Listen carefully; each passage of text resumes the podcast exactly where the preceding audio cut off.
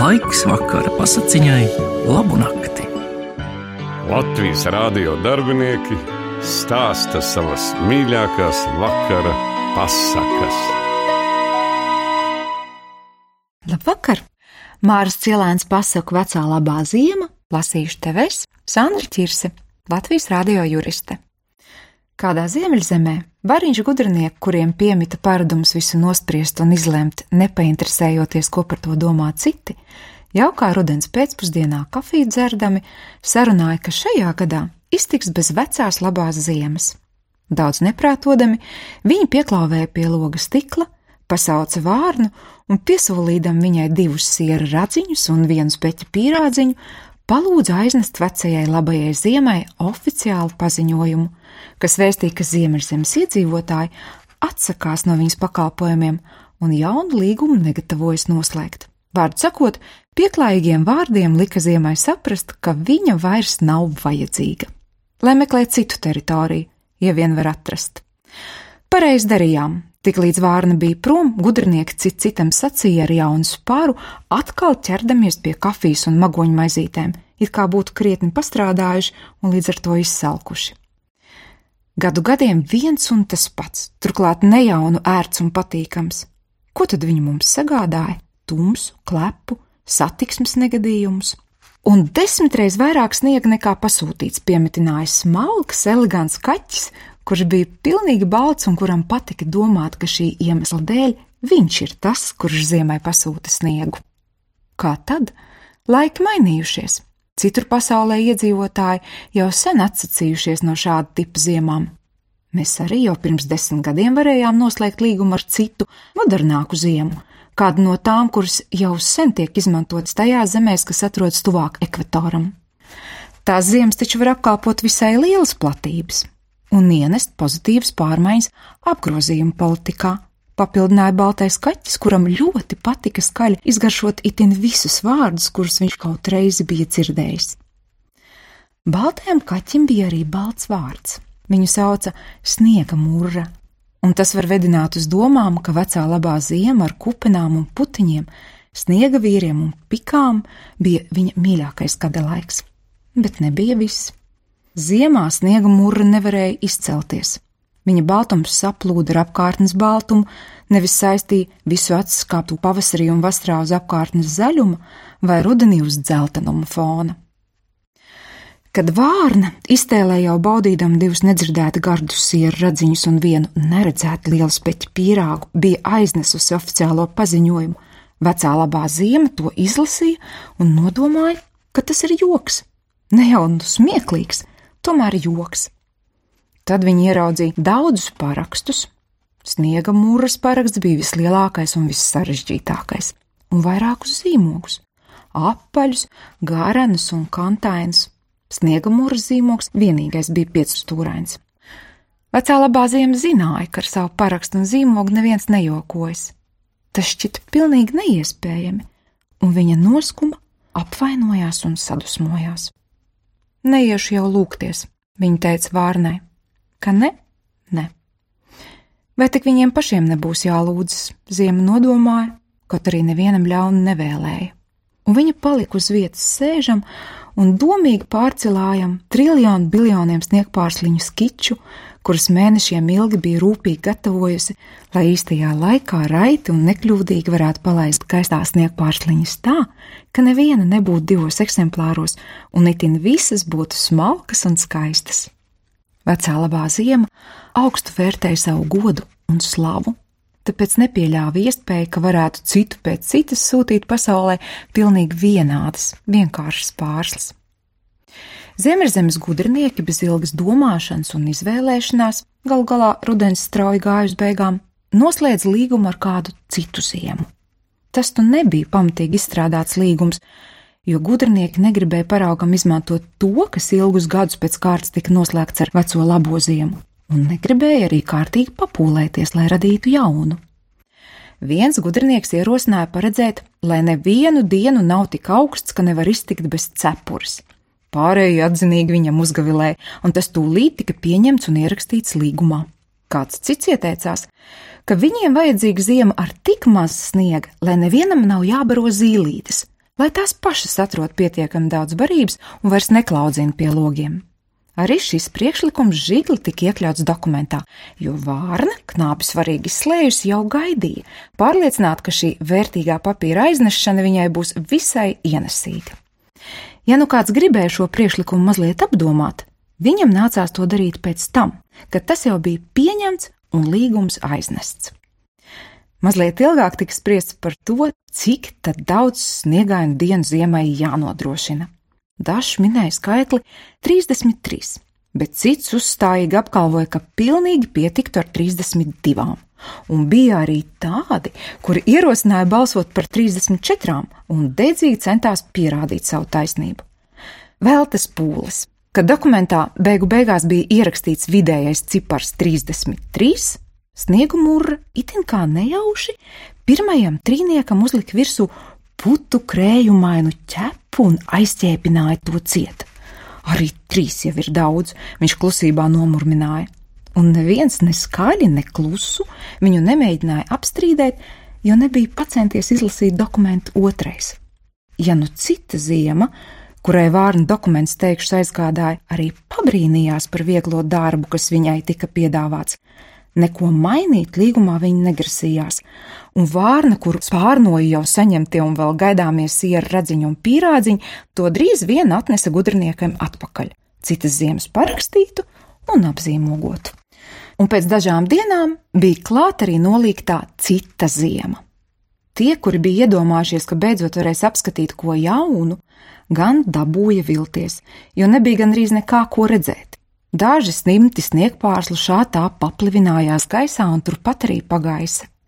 Ledus pat peļķēm, kur nu vēl upēm un ezeriem, pārklājās tikai naktī un agri no rīta, kad neviens to nepētīja, un mākoņi nešķita ne daudz sološi, ne noslēpumaini.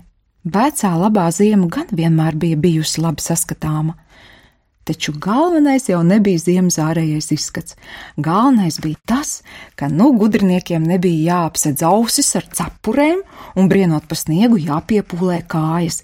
Sniega mūža varēja koši baltot uz melnu dubļu fona, un zīlītes nemaz netuvojās lokiem. Galvenais bija tas, ka gudrinieki un viņu sniegu mūža jutās labi. Viņi staigāja šurpu turpu kailām galvām un skatījās debesīs, lai varētu ieraudzīt sniega pārslas, kuras kaut brīdi pavīdētu gaisā. Un tad apspriesties, vai diena, kad pārslas nav nokļuvušas līdz zemē, ir uzskatāma par sniegainu vai ne. Tā kā tikai sniega mūra zināja, ka līgumā ir paredzēts trīs nevis 33 sniegainas dienas. Tad, tā kā viņš bija dzirdējis par sodiem, kas draud par dokumentu viltošanu, kaķis cītīgi staigāja gudriniekiem līdzi un centīgi apgalvoja, ka redzot debesīs to, ko citi nesaskatot - sniegu. Tātad šī atzīstam par sniegainu dienu, un viņš to tūdaļ pieregistrēšot. Tāda staigāšana gan nepalika bez pēdām. Mazāk bija manāmas sniega mūras pēdas uz melnās zemes, vairāk melnās zemes pēdas uz sniega mūras baltā kažoka, taču galvenais bija tas, ka sniega mūra un gudrinieki jutās labi. Taču ziemeļzemē bija arī tādi iemītnieki, kuri citā ziemā labi nejutās.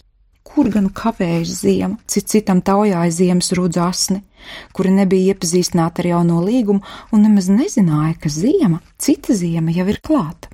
Cik ilgi mums būs jāvārkst bez kārtīga sāla un sniega? Laši jūrā bija pavisam nervozi. Tie nenāca iekšā upēs, tur ūdens vēl nebija tik augsts, lai varētu nārstot. Vecā labā ziema vienmēr bija atdzesējusi ūdeni, lai viņiem tik svarīgā laikā nevajadzētu kavēties jūrā. Tulpju sīpoli grozījās zem zemes un murmināja: Ak, Dievs, kas tad no atkal virzemē noticis? Cik nepatīkami sajūta! Kad beidzot zeme sasals, mēs nepaspēsim sagatavoties pavasarim. Kā stāsta, senāk nekas tāds nesot bijis iespējams. Varbūt vecā labā ziema patiešām kļuvusi pārāk veca un vairs nespēja ne palaist gaisā brīnišķīgas sniegpārslas, ne sasaldēt zemi, kāds ziemas rudzu asins, kas auga lauku malā, teica lielajam ozolam. Muļķības! Sarunā iejaucās Vārna, kurai nu jau pailgi nebija ticis tas gods pārnēsāt ienesīgus dokumentus, tāpēc viņai atlika laiks paklausīties, ko runā tautā. Vecā labā ziema ir tik labā formā kā vēl nekad. Ja jūs būtu redzējuši viņas sniegpārsliņas skices, kā lai mēs tās būtu redzējuši? Kāpēc tad viņi neiemieso savus skices īstā sniegā, un kur vispār vecā labā ziema ir? Ziemas rudzu asnu bija tik daudz tūkstoši, un katram bija vismaz viens jautājums. Kad vārna jūta, ka viņa zina to, ko nezina daudzi tūkstoši, viņa nekavējās ne mirkli un izstāstīja visu par līguma neslēgšanu ar veco labo ziemu un līguma noslēgšanu ar citu ziemu. Brīdi ziemas rudzu asni stāvēja mēmi. Tad sacēlās sašutuma vētra. Gudrinieki, izlēmuši, nosprieduši, pārakstījuši, cits caur citu viņu sauca. Viņi staigās bez cepurēm un jutīsies labi, bet mēs lai mokāmies. Ābeles, lai nevar sagatavot pumpurus pavasarim, un tulpēm, lai viss sajiet šķērsām, un tauriņiem, lai sajūg visas attīstības pakāpes, un laši, lai nespēja iepeldēt upēs. Viss ziemā ir lauks saviņojās. Vecā labā ziema mūs reizēm pamatīgi sadarbināja, toties nekad neatstāja neziņā par nākotni.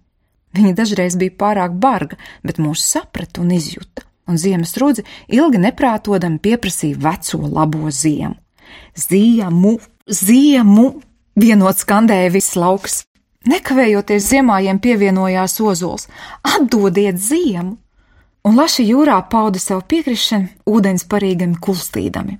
Savukārt tulpju sīpolu sacēla trauksmi zem zemes, Tie jau nu nebija pēdējie, kas pieprasīja vecās labās ziemas atgriešanos. Drīz vien ābeles un tauriņi, bērni un vārdi skorī atkārtoja ziemu, ziemu, īsto ziemu.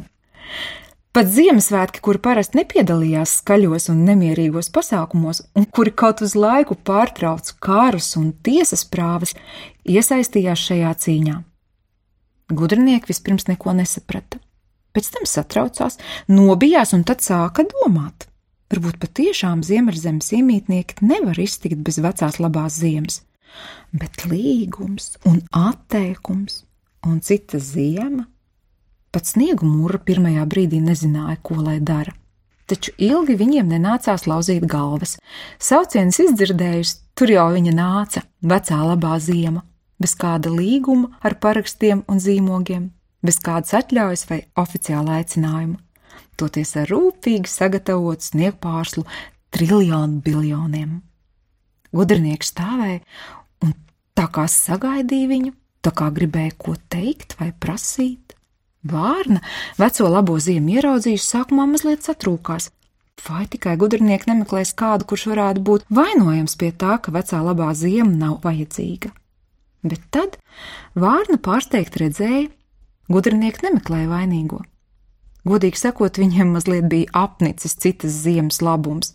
Cik tad ilgi var baudīt vienu vienīgu prieciņu, to, ka ir iespējams staigāt bez cepures? Pēkšņi katrs gudrinieks aizskrēja uz savām mājām, paķēra pirmo cepuri, kas pagadījās par rokai, un atkal metās laukā, lai tūlīt pat izbaudītu četrus, piecus vecās labās ziemas labumus un priekus vienlaikus. Sniegu mūra, kam tagad patika domāt, ka vecās labās ziemas sniegs nekūst tāpēc, lai visi varētu salīdzināt un apsvērt, vai viņš tomēr nav baltāks par sniegu, žīgli nomazgājis citas ziemas melnumu, turējās gutrinieku tuvumā un sniegā cītīgi apzīmogoja viņu priekus ar savu piecstūraino zīmogu. Ziemas rudzi, tulpes laši, bērni, Ziemassvētki, tauriņi par veco labo ziemu priecājās bez kādiem zīmogiem. Viņiem tāpat bija skaidrs, cik svarīgs un nepieciešams ziemeļzemē ir viņas sniegs un augstums, tumsa un miers, klusums un skaistums.